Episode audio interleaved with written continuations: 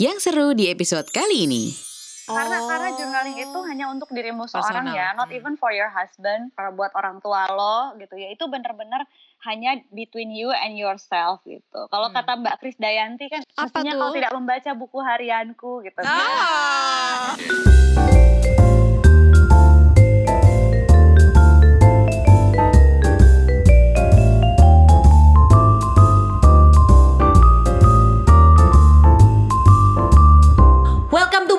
Relax. Woi, kagak relax woi. Welcome to Bunda Bunda Relax. Ingat. Yes. Lo hari ini terlihat lebih ceria. Lu mau ngomong nggak gini nih, kan kita kan sering ketemu pakai masker ya Hmm. kan. Ini bukan ceria, ini kuyup. Karena buru-buru ketemu Nggak lu kuyup, semua. Beb. Asli. Kenapa sih? Kamu tuh terlihat lebih glowing gitu loh. Us. Oh, glowing nggak from kenapa? perawatannya mahal. Eh, udah lewat, Oh, bukan, udah, udah lewat, lewat. itu udah lewat Iya, iya, masanya beb. Heeh. Cuma yang gue perhatiin nih kayaknya dua minggu terakhir ini Mhm. Buns Inga nih balik ke workout lagi ya beb. Iya, harus Oh lah. Iya iya kan? bener. Ingat kan, gue tuh eh, Udah sering mulai banget rajin. mm-mm, curhatin gitu kan selama Ramadan. Aduh, kok sungkan banget untuk bergerak. Akhirnya setelah Mager maksud lo? Iya mager banget, mager-magernya. Habis itu setelah udah ngerasa nggak enak badan gue, ya udahlah ya, gue workout lagi, langsung kempes, cuy, sebulan. Kelihatan hari Eh, ini seminggu. Inga tuh pakai bajunya dimasukin. Iya benar. benar, benar. Kalau dimasukin Bajunya long sleeve ketat Benar. dimasukin. Uh-uh, Kalau jadi- enggak ada tujuan. Hmm, memperlihatkan letak memperlihatkan tubuh. bangga terhadap kayak aduh gila Udah nih, bagus ini nih, dia pinggang yang gua udah nggak ada lemak nih. nanti-nantikan nih untuk masukin baju nih. Guys, tapi bukan perkara masukin bajunya doang sih. Gue ngerasa ya dengan gue banyak, bukan banyak ya, lebih aktif ataupun rutin olahraga, gue tuh ngerasa badan gue lebih enak. Kita ngobrolin apa, gue masih bisa nanggepin gitu. Kadang-kadang Hmm. gue kalau bloated banget, terlalu sembarangan Hmm, makannya nggak mikir ya. Gue Hmm. juga bisa whatsappan sama lo juga nggak terlalu fokusnya sama perut gue yang nggak enak. Bener banget karena gue perhatiin nih ya akhir-akhir ini Inga tuh lebih konsen kalau di WhatsApp grup. Oh iya kan? Benar, lebih benar, solusi benar. gitu guys. Biasanya kita jawab Eh. apa dijawabnya baru dua hari kemudian, ya kan? Itu tapi Sekarang luar ngaruh. biasa loh. Ngaruh loh workout sama makanan iya. sama ngobrol-ngobrol sama lo semua gitu Yes, ya. Ih, itu kayak ternyata gue baru ngerti ah, ini toh artinya ini dia self love. Jadi lo ser- eh, melakukan workout ini, Mhm. gue senengnya adalah karena tujuannya itu sih nggak, Hmm. Eh, bukan karena kan biasanya orang agak ilusi gitu ya. Oh iya gue mau workout karena gue pengen body gue cakep gitu Hmm. atau kayak Mm-mm. gue mau biar gue ditaksir cowok-cowok banyak. Tapi ini Hmm. demi untuk self love. Mm-mm. Oh iyalah bodinya Emang udah lo kurang gue sayang selama ini? gini loh. Itu kan sesuatu hal yang gue ngerasa justru uh, what I can give back to you guys. Terutama kan kita kan udah jadi mama ya. Iya. Kalau misalnya kagak sehat kita mikir gak jernih gitu kan Anak gue nanti siapa yang ngurusin ya kan Suami gue yang udah kerja keras gitu kan mau dong ketemu sama istrinya Nyampe-nyampe rumah wangi, terawat gitu Itu juga salah satu bentuk cara gue menunjukkan bahwa gue juga mencintai anak dan suami gue Oleh self love Noble guys. banget. Nah Hmm. iya juga tuh soalnya kadang tuh terutama untuk perempuan ya ya Hmm. kan khususnya ibu-ibu itu agak sulit loh untuk merasa cukup gitu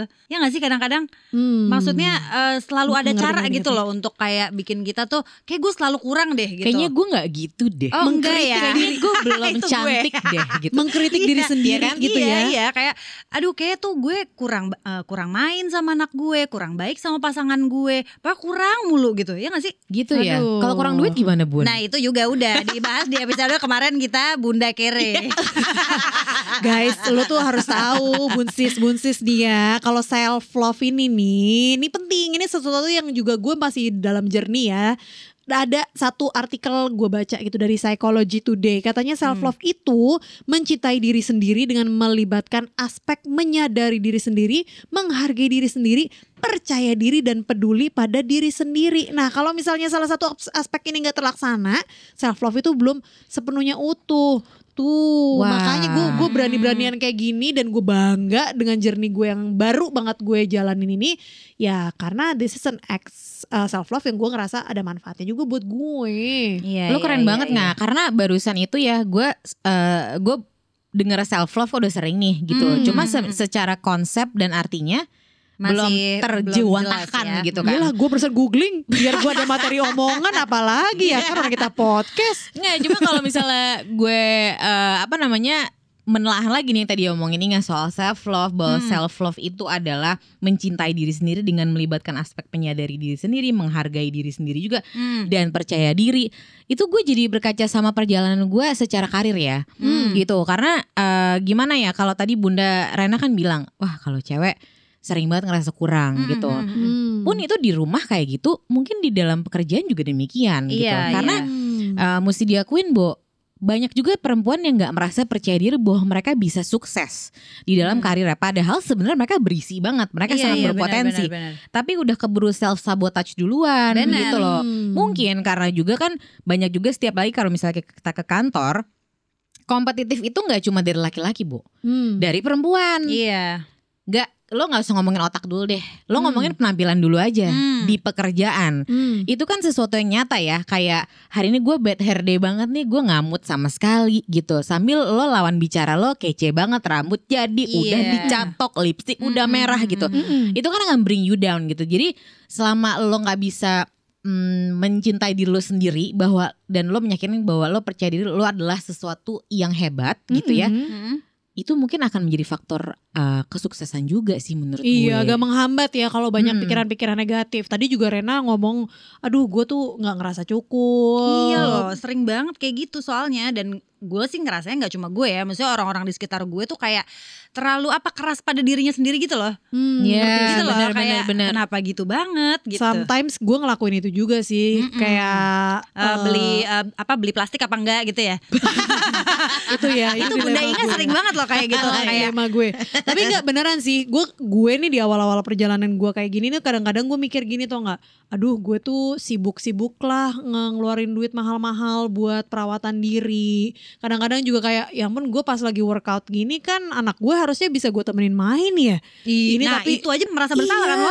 Gue Ah. sejujurnya masih banget ngerasain itu. Kadang-kadang gue ngerasa apakah this uh, kind of act of self love ini Hmm. sesuatu yang sifatnya selfish gitu dan gue sebenarnya di titik yang bingung mau ngeluh juga nggak tahu uh, ujungnya ke mana Nah. mau cerita juga gue ngerasa kita juga dalam journey yang sama Iya bener. rasanya kita harus bisa ngeluangin waktu deh bun ngobrol sama satu sosok nih kalau doi lagi nggak sibuk nih Waduh. soalnya sering banget bikin kelas Mhm. yang nggak jauh-jauh dari self love gitu Mhm. dan berbagai macam tahapan journey kita sebagai seorang ibu gitu ya sebagai seorang bunda gitu gimana kalau kita coba telepon dulu ini teman kita lu sih pada ini sih pada udah lama nggak kecap sama dia nggak tahu kan sekarang dia keren banget lo bikin bikin kelas Gitu. Tahu dong, tahu Iya. dong. Eh, lu udah follow belum Udah loh, Raden Prisha. Raden, Raden Prisha. iya lu udah follow Pika Mm-mm. Aku sih udah ketemu dia di supermarket terakhir kali.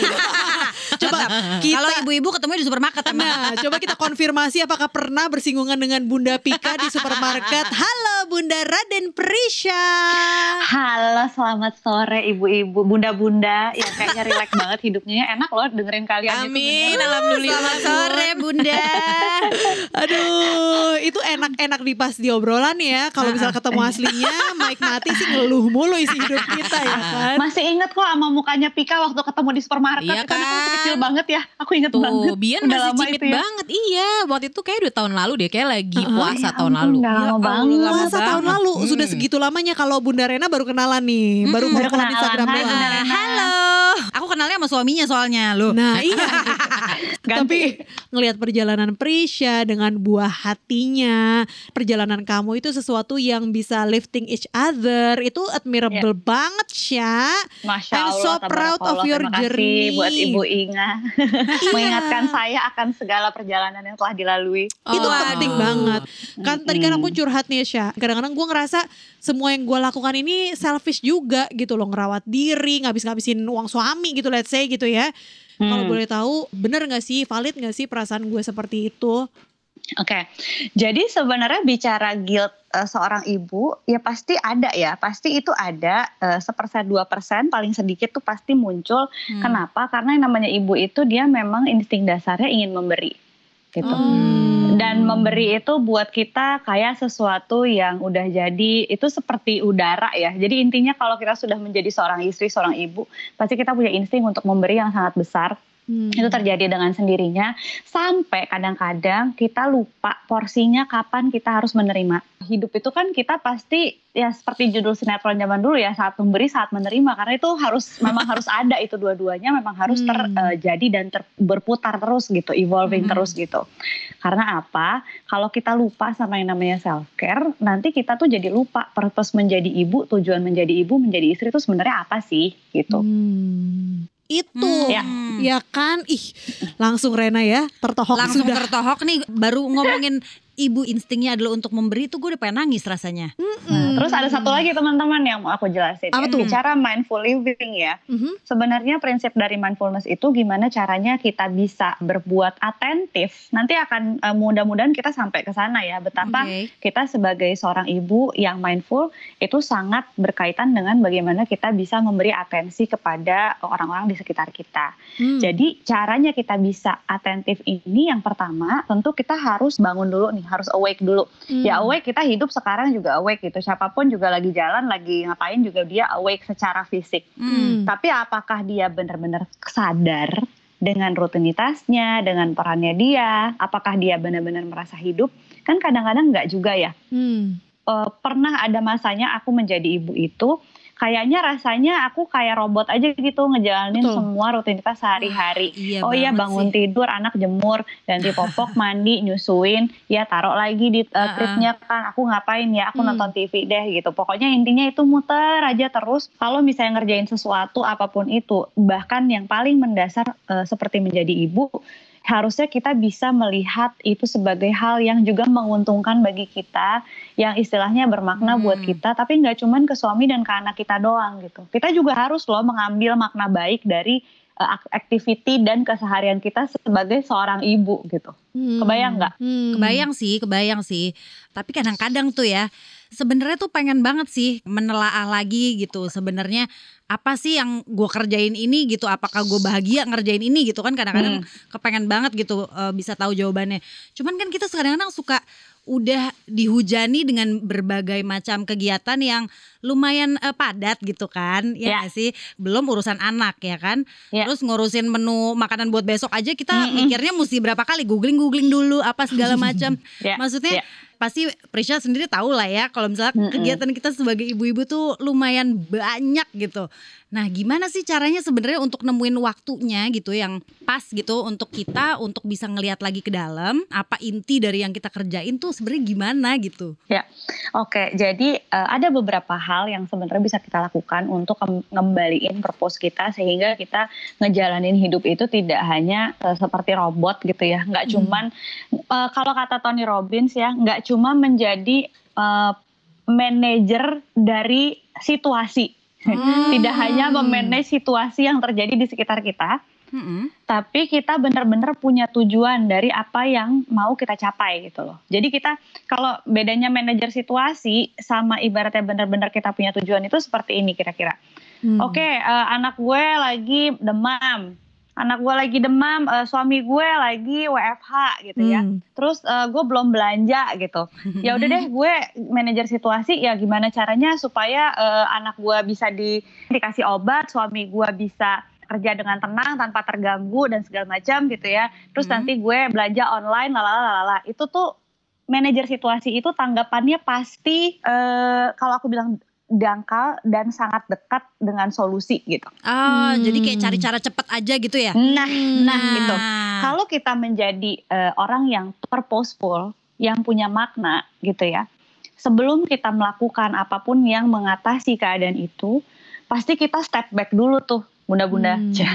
kita step back dulu dan kayak Oh my god, ini gila sih gue bener-bener gak kebayang sih anak gue demam, laki gue WFH, terus gue belum belanja gitu loh. Mm-mm. Hmm. Nah, itu tuh sangat sulit untuk dilakukan para ibu. Padahal itu sederhana sekali ya, kita benar-benar mencerna perasaan kita sendiri di dalam sebuah situasi gitu. Nah, step backnya itu kan juga menurut gue kadang-kadang ya butuh proses internalisasi juga Ya. gitu, yang Ya. di mana kita juga nggak mengenali perasaan-perasaan asing ataupun tidak Ya. membiasakan diri untuk ngepost, Iya nggak? Nah itu tuh Uh-uh. bagaimana caranya supaya kita nyaman dengan proses internalisasi itu sendiri Ya. dulu gitu, Oke. Sya. Jadi gini kan tadi kan aku udah bilang yang eh, kita step back dulu dan kita kita cerna perasaan kita Mm-mm. gitu ya. Nah, yang dimaksud dengan tujuan. Jadi tadi belum belum benar-benar selesai banget kita punya tujuan adalah oke, tujuan gue di hari ini adalah gue bisa lebih tenang dan lebih nyaman menghadapi keadaan seperti ini. Itu aja udah jadi tujuan loh. Hmm, Atau benar. mungkin atau mungkin gue pengen lebih dekat sama anak gue karena keadaan ini. Kita Hmm. kayak mengalahkan keadaan itu dengan tujuan yang kita bikin sendiri. Kebayang nggak maksudku? Kebayang, Ih, kebayang. banget. Jadi Selama- kayak gue mau lebih deket nih sama anak gue gara-gara kondisi ini misalnya. Terus di sisi lain kayak oh gue pengen lebih eh, memanage keadaan ini dengan baik. Lain kali berarti harusnya gue belanja tuh di hari Senin ya, bukan di Iya. hari Selasa mungkin. Karena Hmm, atau hmm, mungkin gue belanja harusnya dari Sabtu ya, jangan di hari Hmm. Senin. Soalnya kalau hari Senin eh, suami gue udah kerja, terus anak gue WFH apa sorry homeschooling segala macam, eh, itu gue bakal ribet ngerti nggak? Jadi Oke, selalu iya, ada iya, hal iya. yang bisa diambil sebagai pembelajaran kita. Sebenarnya itu sih yang gue maksud dengan tujuan itu. Nah, Oh. untuk tadi pertanyaannya Inga, gimana caranya kita bisa membiasakan diri dengan si proses internalisasi tersebut, gitu Hmm. kan? Mhm. Ini tentunya harus dimulai dari habit atau kebiasaan. Kalau dari Hmm. gue eh, menyarankannya adalah dengan journaling, ya. Ini gue juga lagi bikin nih kelas journaling. Kenapa Waduh, sih journaling? mantap. Karena journaling itu kita benar-benar bisa punya me time dan mengenal dan memahami diri kita eh, tanpa kita butuh kayak fasilitator gitu. Jadi kita Hmm. bisa mm, mencerna apa yang terjadi dengan diri kita, bisa paham diri kita, eksplorasi diri kita, memanage stres, eh, improve keadaan eh, secara internal di dalam diri kita, tapi secara mandiri gitu loh. Kan repot juga ya Hmm. kalau kita eh, dikit-dikit emosi harus pokoknya harus ada teman curhat gitu. Iya, Sebenarnya benar. sebenarnya repot loh. Kan kadang-kadang kita juga banyak ya DM yang masuk ke aku kayak, "Mbak, aku tuh bener-bener nggak ada teman sama sekali yang bisa aku ceritain." Jadinya bener-bener di DM tuh kayak tumpah Ya semua Allah. ceritanya gitu. Waduh. gitu Waduh. kan. Udah gitu harus dibaca satu-satu ditanggepin pula sama Prisha ya kan. Iya. Hmm. Nggak selalu sih, nggak selalu aku tahu. Aku juga Hmm. melihat situasi aku juga gitu. Hmm. Cuman sebenarnya sebenarnya memang bener kata Inga itu harus dimulai dari kebiasaan gitu. Hmm. Kalau kita tidak terbiasa untuk let's say setiap hari terbiasa mencerna eh, perasaan kita, kita nggak terbiasa untuk ngedengerin diri kita, kita nggak terbiasa untuk bahasa gampangnya time out dan membatasi informasi yang masuk ke diri kita, emang sangat menantang gitu loh. Hmm. Memang akhirnya kecepatan hidup kita itu bukannya harus dikurangi ya, tapi ada harus ada eh, beberapa waktu tertentu yang kita benar-benar dedicate untuk diri kita sendiri. Dan sebenarnya tuh nggak lama, bun, nggak lama, nggak sampai kayak Hmm. gue harus tiga jam salon. Actually kadang-kadang ke salon tiga jam Hmm. dengan journaling 15 menit itu bisa lebih fulfilling journaling 15 menit loh. Waduh. Nah, ini eh, lumayan oke banget sih nih karena kan kadang-kadang kita suka apa-apa tuh butuh temen gitu kan mau Nah, curhat dong iya. mau curhat dong pas misalnya temennya lagi nggak bisa terus kita curhat Nah. ke mana ya kan Udah Mendem gitu, akhirnya kan. temennya Mm-mm. juga bukan seorang profesional, bukan Nah, psikolog apa iya, segala macam yang nggak bisa bener. menganalisa Ntar, ntar pemikiran temennya kita. malah tanggapannya makanya lu jangan kayak gitu jadi orang gimana Nah, sih lu kompor atau tambah kompor. terbebani lagi iya, jadi proses internalisasi itu pembiasaannya salah satu ternyata lewat journaling itu ya. Ya. We know Ya. ourselves the best juga gitu Nah, sebenarnya ya kan. bener Oh, ada gitu. aku tuh suka paling bingung ya bun kalau ada yang datang ke aku terus kayak kak saya nggak tahu mau ambil jurusan kuliah apa mohon solusinya gitu kan. oh ada yang kayak gitu ke Prisha ada ya Heeh, terus kayak ah gitu kan baru baru baca satu doang nih satu paragraf terus gue suruh kayak eh, nanya jurusan kuliahnya apa gitu. Ribet deh. Gitu jadi sebenarnya ya solusi itu semua tuh datangnya dari diri kita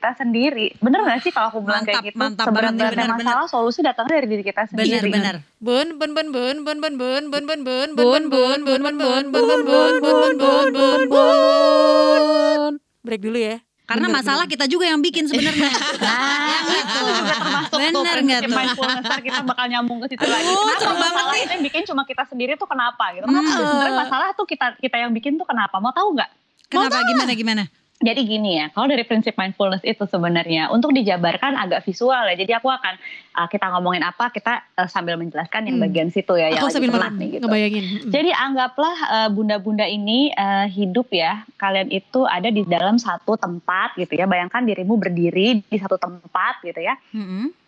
Lalu kemudian ada pencapaianmu yang dibawa angin numpang lewat gitu. Oh ya itu Hmm. pencapaian aku, aku berhasil gitu di Hmm. situ. Terus nanti ada lagi yang lewat, oh ya itu kesalahan aku di masa lalu gitu, kekurangan-kekurangan aku gitu. Hmm. Terus dia lewat begitu aja. Sebenarnya hidup kita itu ya seperti itu.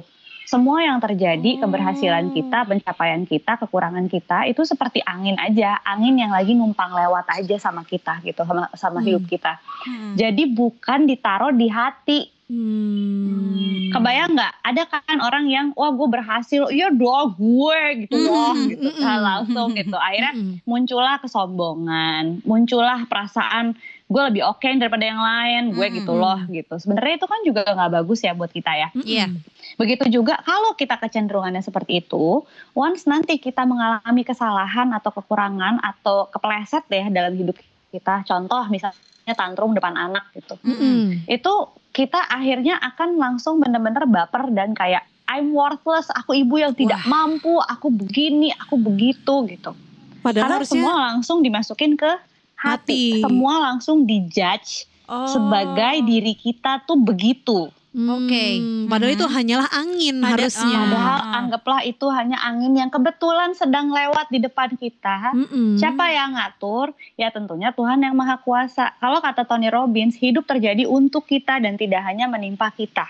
Hidup terjadi Waduh. untuk kita tidak hanya menimpa kita. Uh, gitu. Wuh, ini bukan Tony Romas ya, agak beda gitu. Kalau itu Daging lapar. asap adalah Ah, ah. enak gitu, itu agak Aku beda. pengen makan daging. Lapar Aduh. deh kayaknya. Itu ya. Ini ada kaitannya sama kebaperan juga gak sih Bun sebenarnya? Oh sangat. Tuh, Bayangin kan? kalau misalnya baper itu ya tidak hanya hal buruk, hal baik pun bisa kita baperin. Kalau kita Oh. terlalu baper dengan pencapaian kita, itu kita bisa jadi nanti nggak mau belajar, nggak mau dikritik sama orang, Luar Hmm. biasa. Itu. Iya kan? Lu, lu baru kebaperan lu ya. Iya bener gue baru ngeh kayak gitu-gitu. Ternyata nggak cuman kegagalan doang yang dibaperin, Heeh. tapi kesuksesan juga bisa menghambat kita. Eh, Karena lu berasa paling gue, kalau gue, kita gue baper gitu. atas kesuksesan Gue, kita gue, jadi, gue, gitu kan. ah, Hmm, gitu. Tuh, ini Bunda Pika dari tadi nyimak nih Bunda holistik kita nih rasa-rasanya nih. Ah, dia lagi Nggak- mengumpulkan pertanyaannya banyak nih kayaknya. Hati-hati nih Prisya Nah, ya. terus aku lanjutin lagi ya. Aku lanjutin Iya dong. lagi. Oke. Tadi kan ada bilang terus masalah dari mana munculnya gitu Iya kan. betul, itu Mm-mm. pertanyaan utamanya Iya. tuh. Mm-mm. Sekarang bayang ya teman-teman punya pencapaian, punya eh, apa kekurangan atau kesalahan ya. Terus kita melihat itu sebagai sesuatu yang eye catching. Iya tuh emang gue tantrum anak gue, emang gue tuh nggak mampu gue. Akhirnya Hmm. masalah itu yang tadinya hanya angin, Mm-mm. akhirnya dia nempel ke kita. Ah, benar. Hmm, kita mengasosiasikan diri dengan pe- eh, masalah kita Nah. itu. Hmm. Kita yang narik sebenarnya, kita yang menjadi magnet dari masalah tersebut. Kalau kitanya nganggap kayak ya sih gue tantrum, cuman gue emang lagi kurang tidur, gue tidur cuma setengah jam tadi malam gitu. Ya emang salah gue juga sih. Mestinya gue tidur tuh cepet. Ya udah besok Hmm. gue tidur cepet deh. Minta maaf Iya. sama anak. Nak maafin bunda ya semalam bunda begini begini. Maafin aku ya. Kamu punya perasaan gak enak nggak? Mau diceritain nggak ke bunda misalnya? Udah jadi angin tuh. Be, be, be, make sense banget sih, bener. Aku, aku dan masalahku. Aku dan angin. Eh, eh, aku selalu tantrum. Ada lagunya gak sih kayak gitu? Gak ada. Jadi ini sampai nggak butuh kerokan segala ya. Kalau prosesnya udah internal gitu loh, nggak Sungguh. perlu koinan lagi gitu loh. Ini bahkan belum masuk ke topik, tapi rasanya kita butuh satu jam lagi. Oh enggak ya? Luar biasa. Bener bener. Makanya bener. Bun jangan baper, Nah. jangan cari masalah juga. Iya.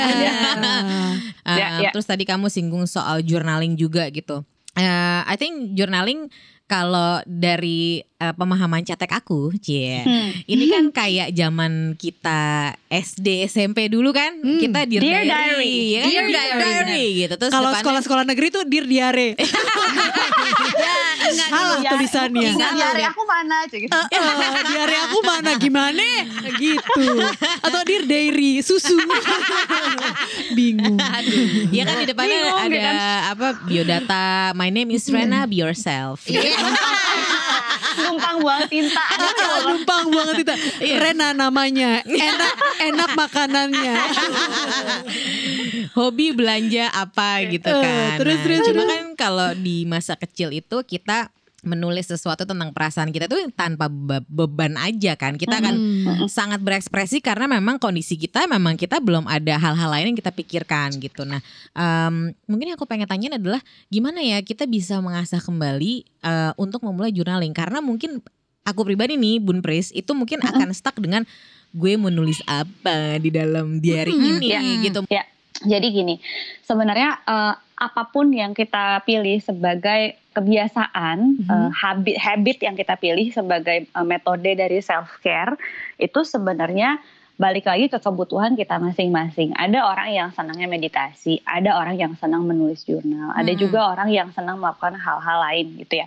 Tapi yang jelas apa pun yang mau kita lakukan, memang kita tuh mau hening aja tuh butuh tenaga memang gitu. Hmm, waduh. Jadi jadi kita butuh tenaga nggak nggak cuman untuk hal-hal yang menyibukkan diri kita. Kadang justru kita ada loh istilah kita tuh kecanduan sibuk gitu. Wah, Hmm. Inga. Aduh banget. Semuanya juga pada senggol-senggolan nih satu Gila, studio. gue banget. Aku baru ngepost itu banget kemarin. Kayaknya harus Kecanduan harus sibuk bener-bener. occupied gitu. Mm-mm, I'm busy, betul. I'm busy man gitu kan. Sumpah betul. Mm-mm. gitu. Padahal kayak boleh loh kita tuh slow itu nggak apa-apa banget itu satu ya. Eh, dan ini mungkin di satu sisi sangat berhubungan dengan eh, konsep worthiness atau keberhargaan diri ya. Hmm. nggak tahu kenapa padahal kayaknya orang tuh kalau sibuk tuh aku berharga gitu Iya, aku banyak gitu ya? kegiatan gitu padahal Betul, betul. yang namanya worthiness dengan eh, kesibukanmu itu tidak tidak tidak dalam satu geng yang sama gitu mereka Hmm. tuh beda beda Beda beda, cluster ya? blok rumah gitu sebenarnya tapi kita aja yang nyuruh mereka main bareng gitu kan Hmm.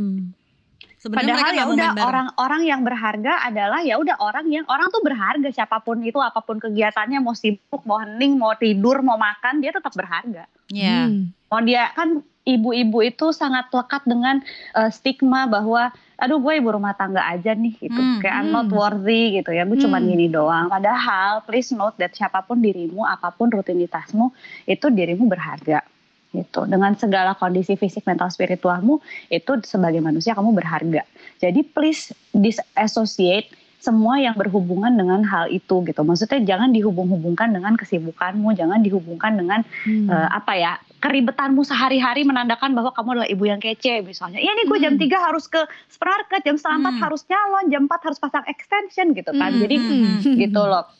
Nah balik lagi ke yang tadi. Berharga mahal itu barusan ya. Pada akhirnya kalau misalnya kita punya motivasi untuk mengambil jeda itu, sebenarnya pasti kita punya waktu kok dalam keseharian untuk eh, benar-benar self care. Cuman memang untuk kita melakukan journaling, melakukan meditasi atau melakukan apa pun yang sebagai metode self care itu, kita harus punya motivasi yang kuat. Nah, kalau motivasi Hmm. yang kuat ini apa? Eh, teman-teman bisa ikut sih kelas journaling aku karena yang bicara motivasi inilah yang justru memang panjang gitu. Kenapa sih kita Hmm. harus journaling? Apa sih yang ada di dalam diri kita yang harus dirawat pad- dengan cara kita journaling? Cuman yang jawaban yang bisa aku kasih eh, dengan singkat dan mudah adalah Hmm.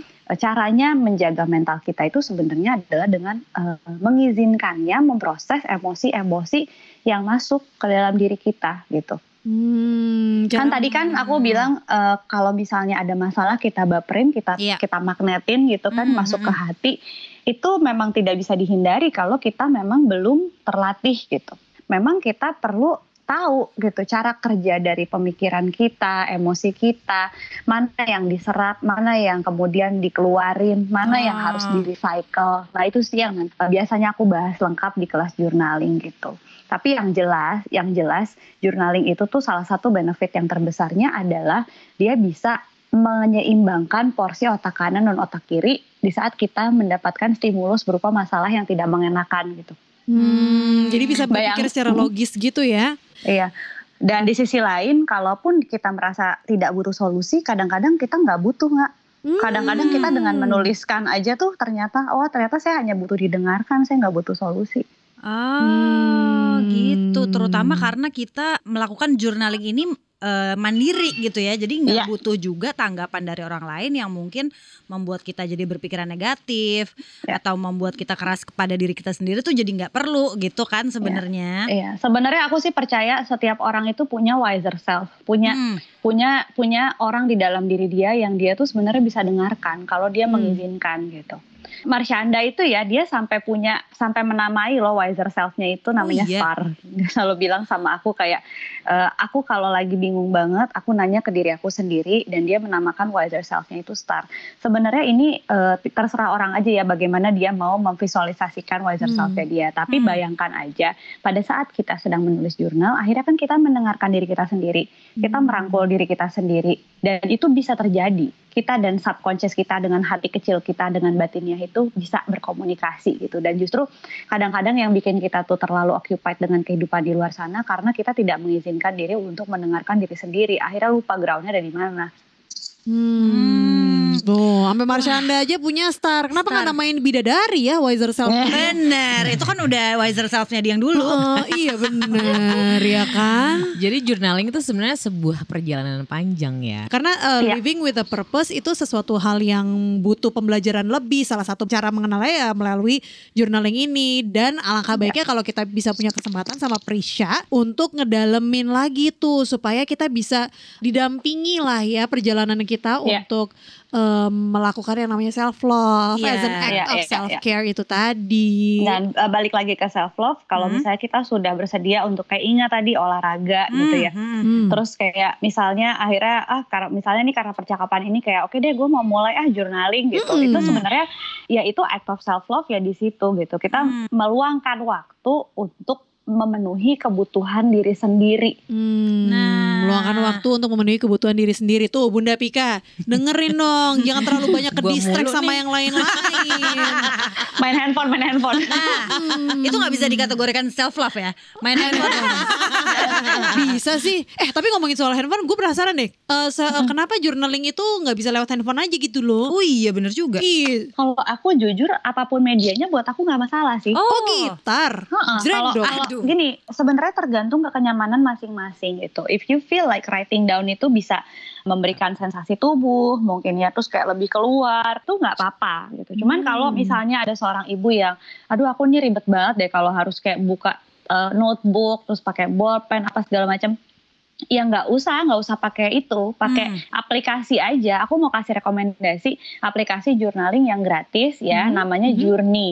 Journey. Journey itu journey biasa perjalanan itu sih Oh. ada di App Store ya. Mhm. Itu tuh bisa pakai kode sih. Oh apa Jadi- sih Bukan Jadi nyanyian bisa kode pakai ya. kode. Jadi nggak bisa kalau orang nggak tahu kodenya nggak bisa dibuka. Oh. Iya bisa pakai pin code gitu. Oke, password Ah, gitu ya. Password, ah, Ah, ah. karena Oh. karena journaling itu hanya untuk dirimu seorang Personal. ya, not Hmm. even for your husband, kalau buat orang tua lo gitu ya. Itu bener-bener hanya between you and yourself gitu. Kalau Hmm. kata Mbak Kris Dayanti kan ingat nggak lagunya dulu tuh? Apa Mestinya tuh? kau tidak membaca buku harianku gitu. Oh.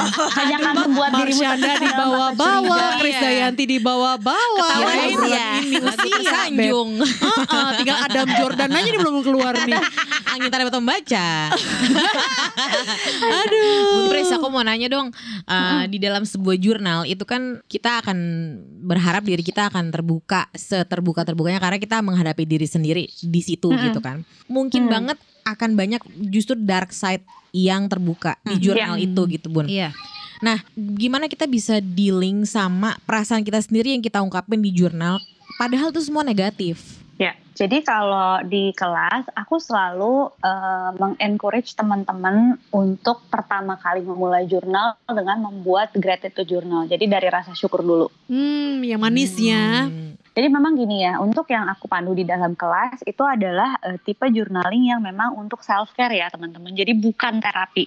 hmm. Karena kalau yang bentuknya terapi tentu harus dengan pendampingan. Hmm. gitu kan. Tapi untuk dalam level self care atau menjaga eh, kemaslahatan diri sehari-hari ya gitu levelnya sehari-hari itu bisa dimulai dengan gratitude dulu gitu kan atau Hmm. misalnya di pagi hari kita eh, apa yang aku syukuri di pagi hari ini kita akan bangun Hmm. tidur alhamdulillah dikasih bangun alhamdulillah di luar ngeliat keluar matahari cerah banget hari ini ada matahari Iya, iya. terus kayak aduh gua nggak tahu apalagi yang bisa disyukurin dalam hidup gue ya udah nggak usah berhenti sampai situ aja dulu Gitu. Hmm. Terus nanti ada panduannya kalau ikut kelas journaling itu ada ada panduan untuk menstimulate eh, kayak eh, apa ya empowering thoughts kita yang bisa dikeluarkan di dalam jurnal. Karena gini, ya bedanya jurnal sama diary apa sih sebenarnya? Hmm. Kalau jurnal itu dia pada akhirnya akan menguatkan kita, dia akan empowering kita dan biasanya dia mencatat eh, hal-hal yang eh, istilahnya penting lah dalam hidup kita gitu loh. Hmm. Kalau diary kan biasanya tanda kutip ya nyampah aja gitu kan, Iya, ya benar, harus ada betul. kata Apa aja aku masukin nggak situ. harus ada kayak eh, ya istilahnya bebas aja menulis apa pun tuh nggak ada certain eh, rules atau gimana. Tapi kalau journaling terus sedikit mungkin itu dia akan kayak memberikan pencerahan lah di dalam hidup lo dan dia bisa berfungsi dua hal. Yang pertama stress management dan yang kedua dia bisa membantu lo mengeksplorasi diri sendiri. Oke, wah kayaknya Ya. kita harus ikutin kelas Bunda Hmm. Prisha nih biar lebih Iya. dalam lagi mengulik soal apa sih journaling Soalnya kayak bagaimana ini bakal- bisa membantu hidup kita. Mm-mm, soalnya kayaknya nggak bakal cukup juga ya kalau dibahas di sini ya harus benar-benar dijelaskan dengan Dan terakurat gitu. Nanti ya mungkin di awal aja ya kita rasanya kayak harus ada empowerment atau gimana gitu ya. Itu akan jadi state pertama yang memotivasi. Tapi kalau sudah konsisten dilakukan, itu lama-lama jadi nggak nggak dipikirin lagi gitu loh. Sama Oke. aja kayak kalau kita nyetir ya. Hmm. Nyetir kan awalnya kayak aduh gigi oke. mana, gigi satu mana, Hmm. gigi dua mana. Ntar kalau udah biasa, kalau udah konsisten, aku itu udah jur, aku tuh journaling mungkin udah 15 tahunan kali yang bener-bener empowering gitu ya. Hmm. itu ya sekarang akhirnya apakah aku harus membuat jurnal setiap hari tidak aku udah nggak jurnalin setiap hari tapi aku selalu punya satu jurnal yang reflektif jadi eh, yang wajib aku tulis setiap hari itu adalah aku selalu punya satu wisdom satu wisdom di dalam satu hari gitu misalnya Hmm. wisdomnya adalah oke fokus ke hal-hal yang memang ha- eh, memang kita butuhkan nanti kebutuhan yang lain akan datang dengan sendirinya misalnya tapi Hmm. Aku hanya menggunakan jurnal dalam arti benar-benar menuangkan perasaan atau ketidaknyamanan atau aku hanya sekedar mencatat milestone aku aja. Alhamdulillah hari ini kelas journaling pertama misalnya. Hmm. Itu baru deh aku buka jurnal aku yang besar itu dan jurnal aku ini juga bukan ditulis tapi di iPad aja. Tapi ya aku sih kalau mau belajar journaling kayaknya emang harus uh, lebih detail kontak Prisha ke mana nih enaknya ke Instagram kamu kah atau Ah, langsung gimana? aja ke IG aku @raden Terus biasanya kalau ada announcement kelas di story sama feed ada dua-duanya. Woi, Iya. cakep. Baik banget orangnya ditanggepin kalau kita DM DM. oh. Yang pasti jurnalnya jangan digabung sama daftar catatan belanja. Nah, iya jangan tadi juga aku kan hari baru pas tadi pagi aku ada kelas journaling juga. Ada yang Hmm. tanya e, boleh nggak sih jurnal disamain sama buku e, kerja misalnya? Jangan, Iya. jangan. Itu e, Jengong, moodnya buat buka ya? buku aja udah beda. Kalau kita buku kerjaan, agenda kerja, buka buku itu langsung yang kebayang adalah tanggung jawab. Iya benar benar benar Nah, benar. Ini kan gua tanggung jawabnya ini emang buat diri lu sendiri Betul. Nah, ini Oh. adalah ini ya eh, responsibility sama love itu tipis, beda tipis tapi beda. Hmm. Mantep. Udah deh Iya, emang harus mantep ya. mulai kita. Itu dia makanya coba ya. Siapa yang mau mulai journaling siapa? Gue lah. Lu kan? Gue, Dear Nah. Dyer ya.